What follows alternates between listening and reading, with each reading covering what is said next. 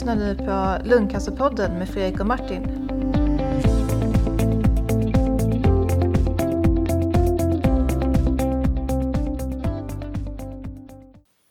Och eh, då kom beslutet att jag skulle åka och träffa dem då. Eh, jag hade fått OK på att förmodligen vara med, förmodligen inte OK på att vara med i den här studien då. Men då skulle jag som sagt börja med att eh, gå på Radiumhemmet istället.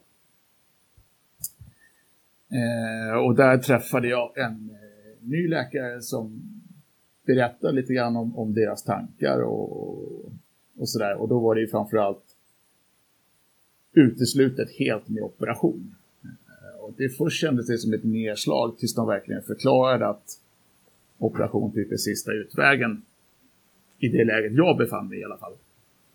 Eh, och ganska riskfyllt. Så att man ville börja med då att stråla hela huvudet istället. Eh, då pumpstrålning inte ansågs eh, lämpligt på grund av placeringar och storlekar och sådär. Så att eh, då fick jag tid för strålning eh, i april tror jag det var, eller det var början på maj 2015. Eh, eh, och jag visste inte riktigt heller vad jag hade väntat med det här egentligen. Eh, man fick ju åka och gjuta den här masken man har på, på huvudet och sådär. Och det var ju en baggis, alltså det tar ju fem minuter liksom sådär. Eh, och sen varnar de såklart eh, i vanlig ordning. Alltså informationen man får är ju ganska bra tycker jag ändå. De varnar för eventuella biverkningar och huvudvärk och jag fick ju körförbud på bilen och, och sådär saker. Eh, så att, eh, utav läkarna, inte av trafikkontoret, men, men av läkarna för att det inte var lämpligt. Och själva strålningen var ju också en, en baggis egentligen. Alltså det tar ju det tar ett par minuter. Eh, och, och, sen så var det klart. Jag strålades onsdag, torsdag, fredag, måndag, tisdag. Och sen var det ju avslutat. Och själva strålningen tar en kvart ungefär? Nej, inte ens det. Ja. Alltså, jag tror, fem minuter max. Ja, eh, och det är ifrån att man kommer in liksom. Så ska man ändå lägga sig och på med mask och, och ställa sig in och sådär. Och jag tror inte att hela processen tog längre än fem minuter någon gång egentligen. Eh, det luktar ju lite skumt när man gör det, men det, eh, det var inget, inget obehagligt. Det gör inte ont eller någonting, utan man märker det inte ens. Eh, sådär, så. Nej, det var ganska behaglig behandling så att säga. Eh, men alltså jag käkade ju sådana enorma kortisonmängder. Så att jag tror att jag gick upp från 90 pannor till 130, 135 någonstans. Eh, och det var egentligen det jobbigaste därför att själva bieffekterna ifrån, ifrån strålningen så att säga, det kom ju först lite senare. Eh, så att det var ju sekvenser då jag kände att jag ramlade utanför KS en gång. Eh, benen bara vek sig och då, då började jag bli riktigt orolig. Då kände jag att eh, nej, det här var inte helt okej. Eh, och sen så började det successivt att bli sämre egentligen. Eh, det var egentligen mest så, så, som man själv kände, så att nej, men jag känner inte igen min egen kroppsfunktion. Liksom, och, och då började jag bli, då var jag rädd på riktigt för första gången egentligen.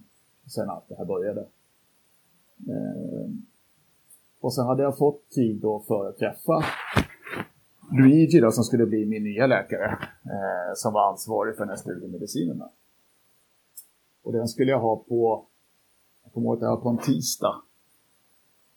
Eller om det var måndag till och med. Ja, i alla fall så, och den helgen innan det, på fredagen så började jag må jävligt dåligt. Eh, hade svårt att andas och, och eh, jag bara sov hela tiden. Liksom. Jag hade ingen energi och kunde inte äta och, och sådär. Eh, och det vart faktiskt så pass illa så att jag, eh, jag kom inte upp ur sängen. Jag kunde inte röra mig. Jag låg och hyperventilerade och sådär. Och då kom den här första riktiga påtagliga rädslan. Alltså jag kände någonstans att nej, nu är det slut. Eh, nu är det över.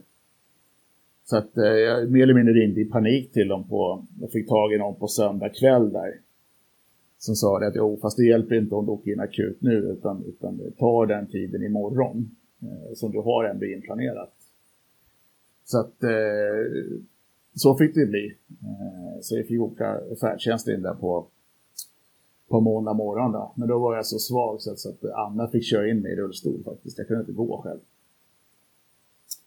Eh, och sådär. Och, och jag kommer ihåg Luigis uttryck när jag träffade honom då. Och han liksom tyckte att oj, vart det så illa det här? För samtidigt mm. hade jag ju slutat med Salkoren där för att kunna påbörja den nya. Så att jag hade inte käkat medicin på, jag tror nästan två veckor. Eh, och det var väl det, den avtändningen om man kan säga så ihop med strålningsbieffekterna och, och den kraftiga viktuppgången och, och hej och på. Så eh, var det tveksamt om jag skulle få den här studiemedicinen överhuvudtaget. Eh, och det berättade han faktiskt först nu. eh, jag tror det var vår förra, förra träff där för ja, två, tre månader sedan hur illa jag egentligen var. Mm. Det förstod jag inte själv egentligen. Eh, så att eh, då fick jag första dosen av den här studiemedicinen då. Eh, och då berättade han också att det var den datorn som slumpmässigt väljer vilken dostyp man ska ha det. Eh, så hade jag fått halv dos då. Eh, och i det läget kände jag bara att fan, ge mig allt du har egentligen. Alltså, eh, något måste göras sådär. Eh, men jag fick min dos där och sen så eh, vart jag inlagd. Eh, på deras eh, avdelning där uppe. Eh, var det en tablett du fick då eller? Ja, det var i tablettform. Mm. Jag fick tre, tre tabletter, 30 milligram då. Mm. Och då hade ju inte den här fått något namn ännu egentligen, utan det var bara ett nummer. Sådär. Mm. Men sen så fick jag ju åka runt i de här kulverterna eh, under KS där bort till röntgen och sen jag vet inte hur många lungröntgen jag tog på ett par dagar. Eh, tre eller fyra liksom sådär. För då hade jag fått lunginflammation i höger lunga också. Mm. Samtidigt som tumören i vänster lunga hade ju växt till eh, ja, galna proportioner egentligen. Eh, det är svårt att berätta så här, men jag har det på bild. Jag tror att du har sett den Fredrik till och med. ja, du visade det någon gång. Ja. Eh, sådär, så då fick jag antibiotika och syrgas och allt det. Men samtidigt så återigen när man hamnar på sånt där. Jag blir lugn. Alltså jag känner mig trygg på något sätt. Fast det var så illa liksom. Så eh, jag vet inte om det påskyndar min egen eh, process liksom. Men redan dagen efter så mådde jag mycket, mycket, mycket bättre. Eh, efter jag fått sova och sådär. Mm. Och första gången kände jag den här, ska säga, lugnande känslan av att det känns som att någonting går åt rätt håll i kroppen igen. Eh, så att nej, det var, det var också skönt. Så jag var, låg inne i två, var två eller två och en halv dag eller sånt där. Mm. Eh, och sen så åkte jag hem och sen så var jag hemma någon dag. Och sen så fick jag komma in igen där, för jag fick inte fortsätta med den här medicinen då. Medan jag hade, eh, vad heter det nu igen, lunginflammationerna. Mm. Så att eh, man ansåg att, att eh, antibiotika hade gjort sitt och sen så fick jag påbörja den medicinen ordentligt då. Och det här var då i mitten på eh, slutet på maj måste det ha varit någonstans. Sista veckan i maj och sånt där. 2015? Eh, 2015, ja. Eh, och jag tyckte att jag blev... Eh, jag blev lite sämre och säga. Eh, jag hade svårt att äta, jättesvårt att äta, så jag hade ingen matlust överhuvudtaget helt plötsligt. Eh, och sådär, och då bestämde man sig också för att man skulle trappa ner kortisonbehandlingen. Eh, samtidigt, eh, jag vet inte om den hjälpte till, men aptit hade jag absolut inte. Eh, sådär, så att kilorna rasade ganska fort, liksom, men jag kände mig fortfarande väldigt energilös. Alltså jag hade ingen ork egentligen. Jag, jag flyttade ner från sovrummet och sov på soffan, liksom, jag orkade inte gå i trapporna. Eh, och sådär. Så det var, jag tyckte att det var jobbigt och den här ovissheten om eh, funkar medicinen och allt sånt här. Eh, och sen så efter en månad så träffade jag eh, min sjuksköterska där eh, som tar alla prover och blodprover och kissprover, tar feber och ja, men, tempen och, och, vikt och allt det här. Eh, och jag var fortfarande ganska dålig egentligen. Och sen så hade jag röntgen då månaden efter. Jag tyckte fortfarande att jag var eh, ganska dålig sen, men ändå hade börjat pigna till lite grann. Eh, jag orkar i alla fall röra mig lite grann sådär. Och, och sen så eh, ringde eh, min läkare, Luigi då. Eh, och eh, sa att nej men eh, alla bilderna ser bra ut. Eh, och då tänkte jag, jaha, vad, vad, vad menar du bra? Nej men det ser ut som det, det har minskat ordentligt och, eh, och sådär. Eh, och vissa tumörer ser ut som har försvunnit och sådär. Jag tänkte, wow! Ja, jag bara, ja, men det, det är ju toppen liksom sådär. Och sen så, ja, vi la på där och sen så ringde jag till frugan och skulle berätta det här. Och hon bara, ja vad sa läkaren? Jag bara, nej jag vet inte. Jag har inte en aning om vad han sa. Så jag var tvungen att ringa upp igen och fråga, du... och då var han ju såklart en annan patient, så då fick jag ta kontakt med sjuksköterskan där. Och, och bad henne läsa upp det här. Och, och, och då förstod jag att det här var, det var riktigt, riktigt bra. Eh, och det var inte så vanligt när man får ett samtal från en läkare eh, i mitt läge sådär. Eh, så det var ju häftigt Otroligt. att höra. Eh, men ändå svårt att förstå. Så att jag hade tid, jag tror det var tre eller fyra dagar senare. Eh, och då visade han mig på röntgen istället och då sjönk det verkligen in. Då var det så här, alltså så här riktigt wow, det går inte att beskriva ens. Mm. Ja, jag får fortfarande klump i halsen. Ja, det är jag också. Det är verkligen det är starkt där. Det är fan, liksom vilken ja. vändning. Alltså det var ju som någon hade gett den livet åt det. Mm. Och helt, ska man vara krass så var det ju verkligen så. För du, som, du, som, som, du beskriver det så låter det ju som att du var precis på gärdsgården, precis som jag förstår att det var också, att få kunna komma med i en studie. För ofta så kräver ju studier ganska så gott eh, hälsostatus just för att man ska ha möjlighet att utvärdera medicinens, annars blir det så svårt att, om man är för sjuk när man går in i en studie så är det så lätt att det är andra saker som, som spelar in, typ lunginflammationer, typ andra eh, former av, av eh, biverkningar eller, eller komplikationer och sådär. Så, så att det, det, måste ju ha varit, det var ju oerhört på gärdsgården och sen så med det här resultatet då så jag förstår den här, alltså det är ju en helt enorm vändning. Ja. En story som såg alltså, dyster ut där ett tag. Ja, alltså och när hon läste upp det här, eh, nu kommer jag inte ihåg på raka här, men, men min lungtumör hade vid något tillfälle mätt, jag tror 11 gånger, eller 11 centimeter på, på längden liksom, och 5-6 centimeter på bredden. Det var ganska stort tyckte jag. Liksom. Och nu så var jag nere på eh, tre gånger tre eller sånt där. Det var ju liksom helt enorm minskning och det här var ju efter två månader bara. Eh, sådär, så att det var ju en, en eh, det var ju en bisarr upplevelse egentligen. Jag hade ju aldrig kunnat tänka mig någon sån, en sån framgång så att säga. Eh, så att, nej, det var, det var helt fantastiskt. Jag, jag, jag köpt fan en vecka av glädje nästan. Alltså, man blir ju så... Och, och det här är ju så det är så viktig sak för, i alla fall för mig som, som, som har det här i bakhuvudet hela tiden, liksom, att, att få det här, den här energin till att orka kämpa vidare. Liksom. Mm. Eh, och sen få veta att det går åt rätt håll med sådana enorma proportioner egentligen. Eh, och jag hörde ju på honom, han var ju själv förvånad egentligen över att det hade tagit så pass bra. Vilket gjorde det ännu häftigare såklart. Mm. Så att, eh, alltså, jag, jag kommer ihåg det själv. Jag hade nästan, eh, vad heter det, Pippi Långstrump-skutt till nästa röntgen. Liksom. Jag, var jag såg ju fram emot det för att få nästa besked. Liksom. Mm. Och, och, samtidigt så hade energin eh, återkommit, fast min, eh, min aptit var fortfarande riktigt, riktigt risig.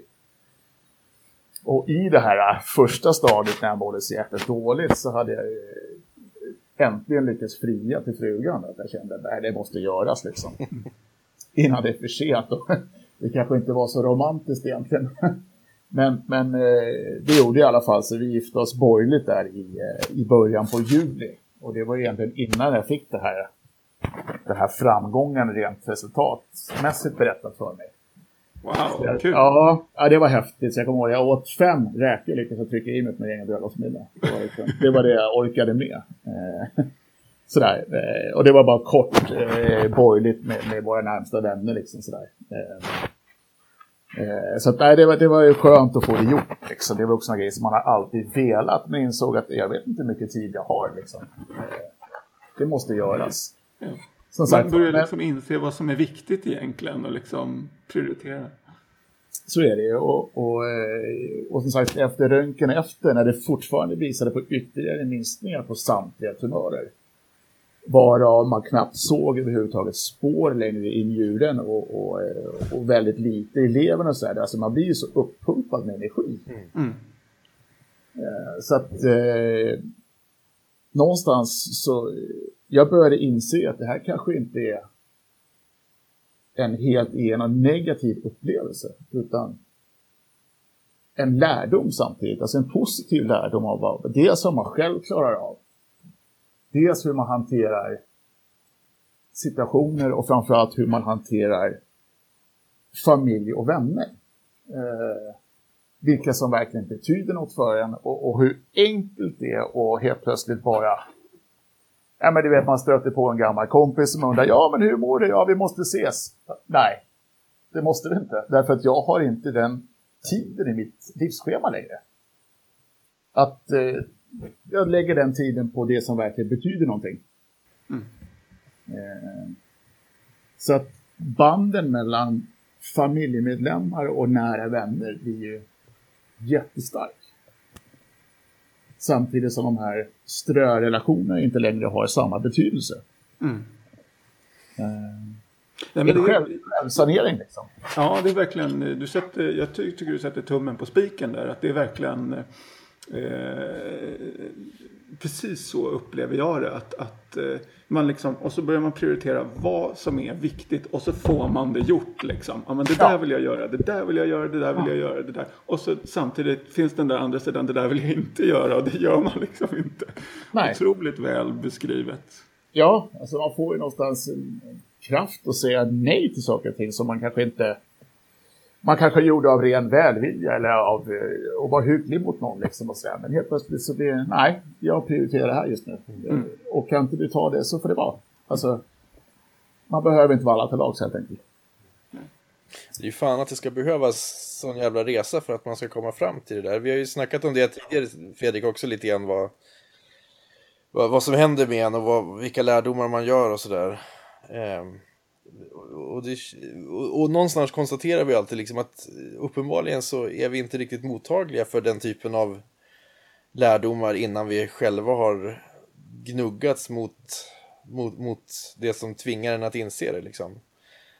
Man springer på i sin jäkla eh, slentrian-vardag liksom och, och kör på och tänker att ah, det där fixar vi sen. Um, så det är häftigt. Men, men och nu då sen, eh, där var vi fortfarande någonstans sommaren 2015. Nu har vi, nu har sommaren 2016 eh, jag ska inte säga passerat, men den, den eh, står i blom. Så, eller står i ja, någon form av lite ja, efterblom. Så är det. Eh, nej, men alltså slutet 2015 där så vart jag ju bättre och bättre. Alltså i snudd på dag för dag egentligen. Det enda som var lite tveksamt fortfarande det var ju aptiten. Men, men, det är klart, alltså, jag gick upp till 135 kilo och ner till 85, alltså på 3-4 månader. Eh, och alltså jag har ju bristningar, alltså bristningsärr som gravida får på mm. magen. Eh, men i takt med att vikten rasade så mycket och, och samtidigt ja, smått började aptiten återkomma, framförallt känna att man hade energi igen. Man kände sig lätt eh, i sina steg och i sina rörelser så återkommer ju också hela glädjen i det att kunna ja, sticka ut och leka med barnen som man hade varit tvungen att säga nej till så länge. Alltså bara Mm. Ja, usch, jag blir alldeles rörd nu igen. Liksom. Mm. Ja, men det här att man, att man kan finnas till för sina barn istället för att bara ligga still på en soffa och se uppgiven ut ett tag. Mm. Liksom. Mm. Eh, och, och nej, det, man får ju en sån... Eh, man får ju sån kraft, alltså det blir sån livsnjutning helt plötsligt. Mm. Så att... Eh, när man alltså redan i slutet på september så kände jag att nej, men jag vill börja jobba igen. Eh, jag mår så pass bra liksom. Så att eh, då började jag jobba halvtid i slutet på september tror jag var. Eller början på september till och med kanske. Eh, och sen i november så har jag jobbat heltid. Och det är ju så fantastiskt skönt att komma jag känner att man, är, att man kan utföra de här uppgifterna igen liksom och, och sådär. Så att det, nej, det är, det är en häftig resa så här långt, måste jag säga. Och, och en resa som också just eh, jag menar, går mellan ytterligheter någonstans, får man säga. Du har ju haft, just, just i samband med den här, att du kom in i den här studien. Eh, ja. Det, det, är ju liksom verkligen, eh, jag menar, det gjorde ju allt skulle jag säga. Ja, men det gjorde det. Det gjorde det. Ehm, alltså, och, och, nu så ju... står vi inför, liksom, med den utveckling som är nu, så har det kommit ytterligare preparat. Nu vet jag inte exakt vilket preparat som, som du fick då i den här studien, men, men det, det, är en av andra generationens alkhämmare då. Eh, och eh, nu har det ju kommit ytterligare preparat eh, som, om man lär sig mer och mer kring resistensmekanismerna som uppkommer eh, för vissa och för många ska vi säga eh, någon gång under den här behandlingen. Och, och, och, man börjar bli medveten om hur ska vi behandla så att säga nästa vända. Och sen så kommer immunterapierna och sådär. Så att liksom jag menar nu så står vi inför en helt annan en helt annan behandlingsarsenal än vad vi gjorde bara för ett år sedan. Alltså det, och för ett och ett halvt år sedan när den här studien drogs igång och, och liksom man började nosa på det här. Så liksom nu så har vi tydliga nästa steg, steg man inte hade tidigare riktigt. Eh, så, så, att eh, nu som jag uppfattar din situation att du mår bra så att säga, det, det är ju jäklar, nu det här kriget kommer fortsätta ett bra tag. Ja, ja men det, och det känner jag själv också. Eh, och som sagt, det var, eh, det var också därför jag kände i, ja, men i november denna gång förra året att vad kan jag göra för att hjälpa andra i samma situation? Eh, därför att det här med att hamna i en studie, först och främst, det är ju inte säkert att alla mår bättre av det. Men, men min erfarenhet är att framförallt så håller de extremt bra koll på dig. Eh, eftersom jag är där varje månad med allt från EKG till blodprover och, och ja, alla tester egentligen. Och sen har jag röntgen varannan månad. Så att det är liksom, jag träffar läkaren varje månad. Det är så kontinuerligt och de hör av sig själva och, och frågar hur man mår och sådär. Eh, jag snackade med min sköterska senast igår som bara ringer och frågar hur jag mår. Och det, ja, men det är fantastiskt. Alltså, och, och, samtidigt så hör man så många som gnäller på sjukvården till höger och vänster. Medan man själv har en total motsatt bild av den. Mm. Eh, så att eh, om jag sen är lyckligt lottad eller om folk har gått och satt sig på, på akuten för att de hade ont i näsan, det vet jag inte. Och fått sitta och vänta i sju timmar. Men, men jag tror att det finns både och situationer såklart. Men, men eh, så just det här med att vara med i, i studien var ju verkligen Eh, en avgörande faktor för mig i alla fall. Och där är ju också lite grann en, en eh, fascinerande slump det här att, att det var din syster i Singapore som hade googlat fram att den här studien ens eh, existerade. Det är trist att vi inte är mer samordnade i, i Sverige, att vi vet bättre vilka studier som går var etc. Och det, det är någonting som det jobbas på vet jag, men vi har inte riktigt kommit dit här att, att det är så pass öppet att både patienter och, och, läkare lätt kan ta till sig det där, tyvärr alltså. Um... Nej, det där sa ju Fredrik till mig första gången vi träffades, jag vet inte om du kommer ihåg det Fredrik? Ja, just det. Uh, så då bad jag henne faktiskt ta fram den här adressen igen och då fanns det ju faktiskt där. Uh, Ja, just det. Du hade hittat, eller hon hade hittat någon sida på ja. sjukhusets hemsida där, där de hade liksom publicerat alla studier de kör och skulle köra. Tror jag. Ja, Fast och alltså jag provade att googla det själv. Mm. Och då hittade jag ingenting. Ja, just det. precis som du sa, det var ju liksom omöjligt. Det finns inget sånt. Alltså, jag är säker på att jag har sett den där liksom. Men, men det var ju fantastiskt hade... bra sätt ja. av henne att liksom snappa upp den. Ja, Nej, men hon, är, hon har verkligen eh, lagt manken till och undersökt det här. Och kommer med tips om olika eh, läkemedelsfirmor och hej och hå överallt som håller på med sånt här. Så hon är väldigt engagerad i, i det som jag själv inte vågade göra från mm. början. Mm. Det är, och det är kanske, jag vet inte hur det var, precis så där är min fru, att hon googlar mycket. Och det tror jag är, eh, för min egen del så är det ju för att jag vill inte gå in, ville inte gå in på internet och läsa obekväma sanningar. Nej, exakt samma här. Jag vill inte heller göra det. Eh, jag lyckades någon gång, ja, någon gång slog jag upp det liksom. Och det första man såg det var hög döds... Nej, man bara, ja då stänger vi av då. då får det vara liksom. Jo, man ser statistik som eh, ja. är liksom är grov, väldigt grovkornig som, som ja. ingen egentligen ska titta på. För att det är statistik för liksom alla typer av lungcancer och alla typer av människor. Och det är liksom... Nej men precis, det, det där är någonting som jag brukar förmedla ofta, jag får ju liksom nästan alltid frågan av hur lång tid har jag kvar eller vad kan jag förvänta mig nu och sådär va. Eh, och, och, och, där är det ju så att jag, jag har ju ganska bra koll såklart på, på den här statistiken och jag menar det är ju sånt som jag sitter och läser och, och, och begrundar dagligen i princip eh, och som jag sitter och, och kämpar med att försöka förbättra den här statistiken naturligtvis också va? Men, men just när det kommer till enskilda individer så kan man liksom aldrig säga någonting om det där för att eh, det, det vi vet är i princip att eh, om vi plockar in 1500 stycken med en likartad sjukdomsbild då kommer medelöverlevnaden vara si och så länge.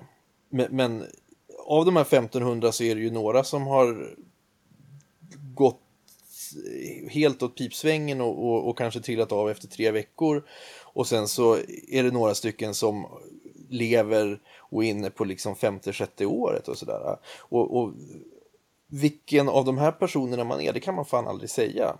Man, man, kan ha vissa känslor och man kan ha lite så här, visst det finns det som pekar åt ena hållet och det som pekar åt andra hållet sådär. Men, men, men eh, att ge sig in i den här, eh, det blir en ren gissningslek alltså. Så att, ja. Jag tror också att, att man, man avgör nog ganska mycket själv, det är klart, det är väl inte, kanske inte vetenskapligt bevisat, men om man själv ger sig fan på att man ska klara saker och ting, så kan man i alla fall i hjärnan framkalla att, att, att så kommer det bli. Eh. Jag, jag, lite grann som man sett många olika fall, jag tror, tyvärr så är det ju så att det kan man nog inte alltid göra. Jag, jag har sett de som bestämmer sig för att det här ska jag fan mig klara av. Och sen så går det ganska snabbt tyvärr ändå. Men hade det varit så att man inte hade bestämt sig för det där så hade det gått betyd ännu betydligt sämre så att säga. Så, så jag tror att precis, alltså, man, man har definitivt, man måste gå in i det med att tänka att det här ska jag, det här ska jag, jag ska kriga. Så det här jäklar anamma, det här är liksom, lite grann som du har sagt Fredrik, att liksom så här, den där jäkeln ska jag klå upp liksom. Eh, och ha det som grundinställning hela tiden och, och sen så försöka leva ett så, så normalt liv som möjligt, liksom komma tillbaks till vardagen, vara den personen man är på något sätt. Komma tillbaks till den och... och ja, fortsätta leva. Och, ja, precis, leva. Man måste leva och inte... Det diskuterade vi också tidigare här, att, att, att det inte blir en transportsträcka, behandlingen, utan liksom behandlingen är ju en del av, av livet. Och, och försök att fokusera på det som är liv och sen så blir behandlingen en del som på något sätt får ingå i det där lite grann. Det tror jag är viktigt. Det tror jag också. Ja, men sen i, november där så, så, så eh, gick jag med i, i Cancerfonden. Kände att jag vill ju stötta den här forskningen själv. Liksom. Eh, och, och, skulle bli månadsgivare tänkte jag. Eh, och då råkade jag se på deras eh, hemsida att de sökte intervjupersoner. Så att eh, jag signade upp mig där och skickade ett, ett mail bara. Så att eh, om jag skulle kunna vara med och, och om jag kan hjälpa till på något sätt och, och, och ställa upp liksom. Eh, och då fick jag ett mail tillbaka, någon, ja, kan det ha varit en månad senare, början på december. Eh, och frågade, en kvinna som heter Britta där, som frågade hur, hur jag mådde. Om jag fortsatt mådde bra. Och det gjorde jag ju. Eh, så att eh, hux flux, eh, hon skulle bara kolla en grej och sen återkomma och så berätta att hon hade ett, ett event som kanske kunde passa mig.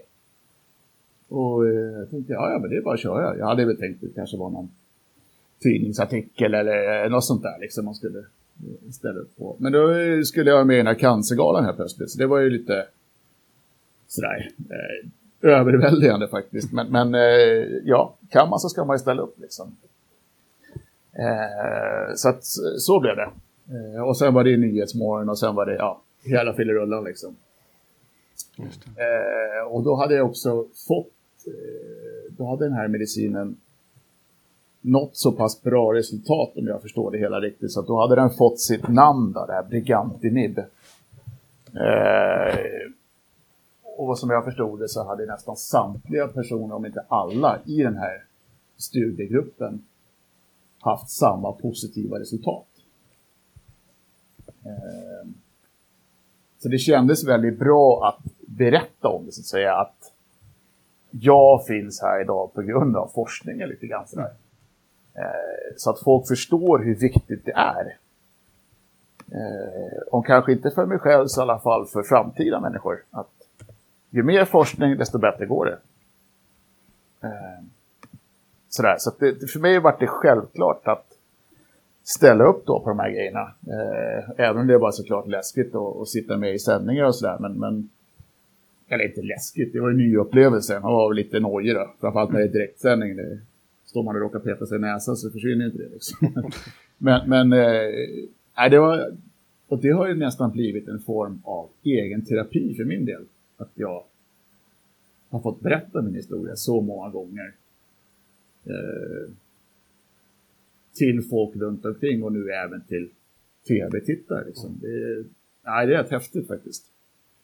Eh, Sådär. Ja, och jag tycker det, det är så otroligt värdefullt att få höra den här resan som ju, har, som ju verkligen bjuder på enormt mycket hopp och samtidigt som det har funnits de här äh, riktigt desperata stunderna i den uppenbarligen. Ja. Eh, och att, att du har orkat och att det har vilken, vilken payoff för din kamp liksom som du har fått. Ja. Det, det är ju otroligt så det är bara tacka så enormt mycket för att du har delat med dig av den både här och på andra ställen.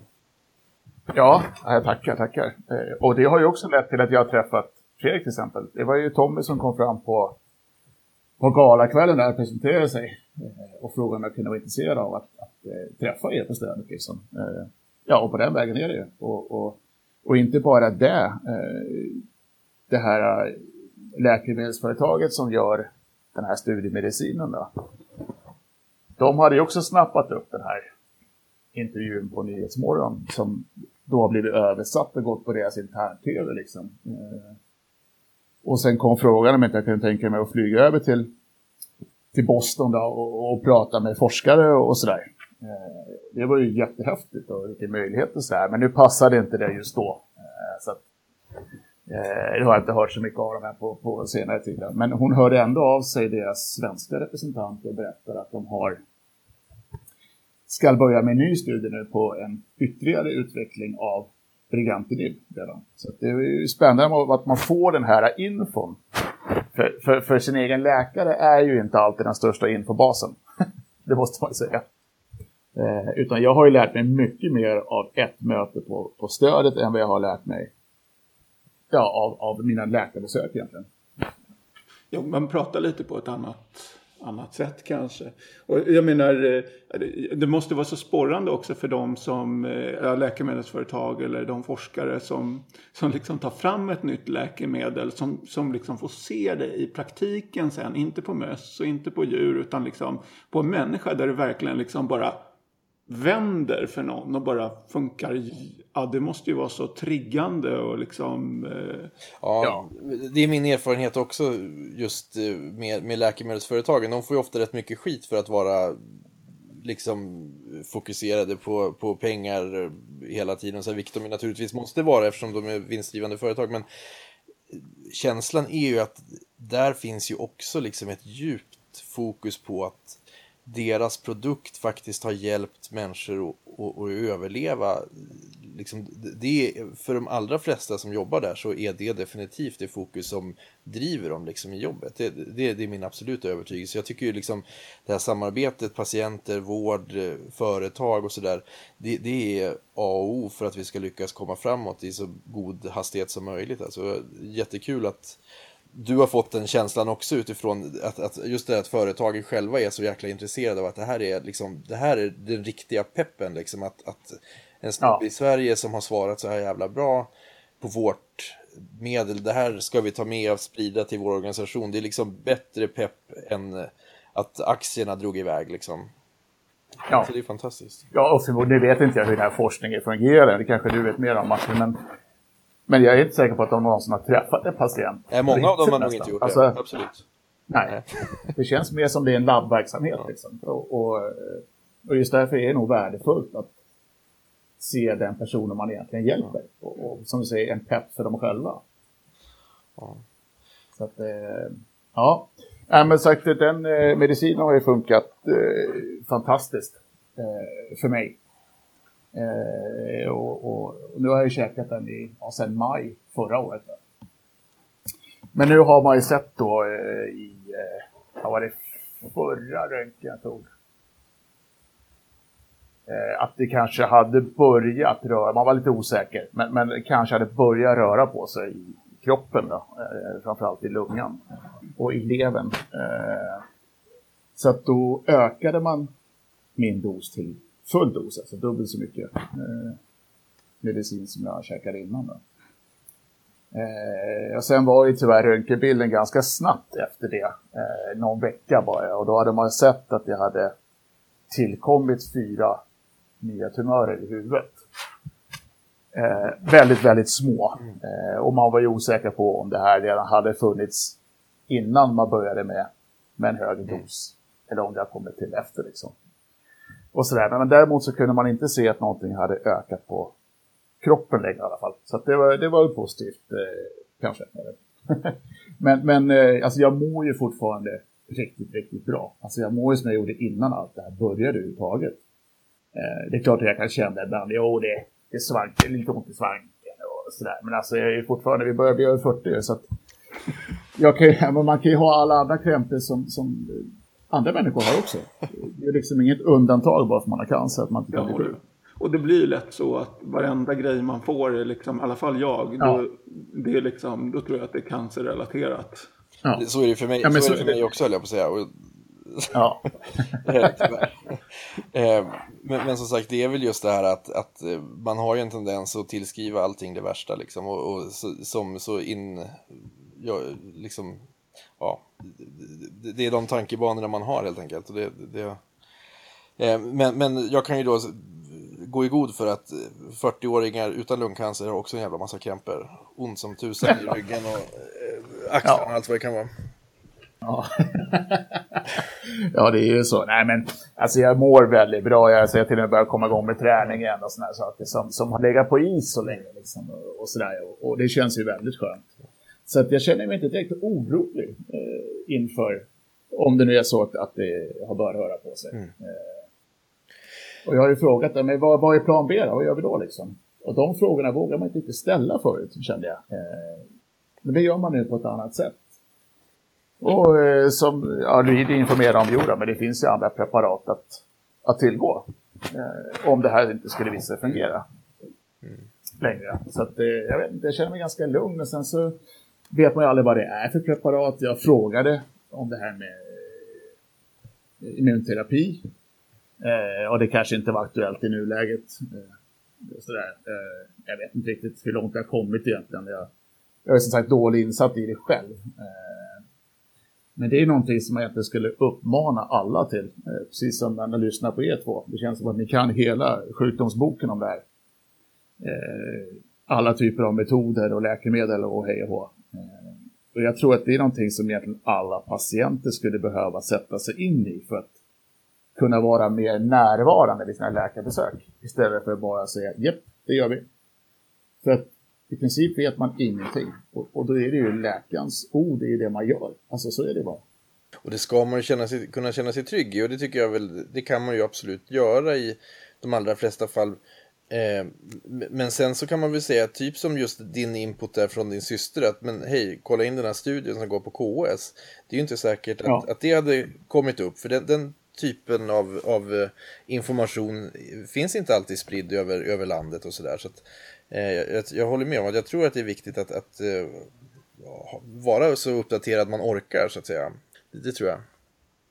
Eh, hörni, jag, alltså Kim, tack igen för en fantastisk, eh, en, en fantastisk historia eh, och, och liksom eh, hopp eh, tycker jag i allt det här är, helt, helt fantastiskt. Och, och vi sa ju i avsnitt ett Fredrik att vi tänkte ha någon form av eh, firande avsnitt 1000 här om 30 år eller någonting i den stilen. Då, då kan väl du haka på också tycker jag.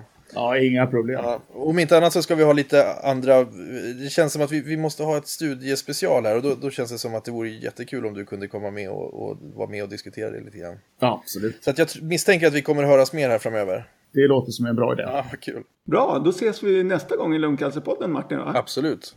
Hej hej! Ha det bra. Tack för att du lyssnade på Lungcancerpodden med Fredrik och Martin. De senaste avsnitten hittar du alltid på lungcancerpodden.se eller i din podcastapp.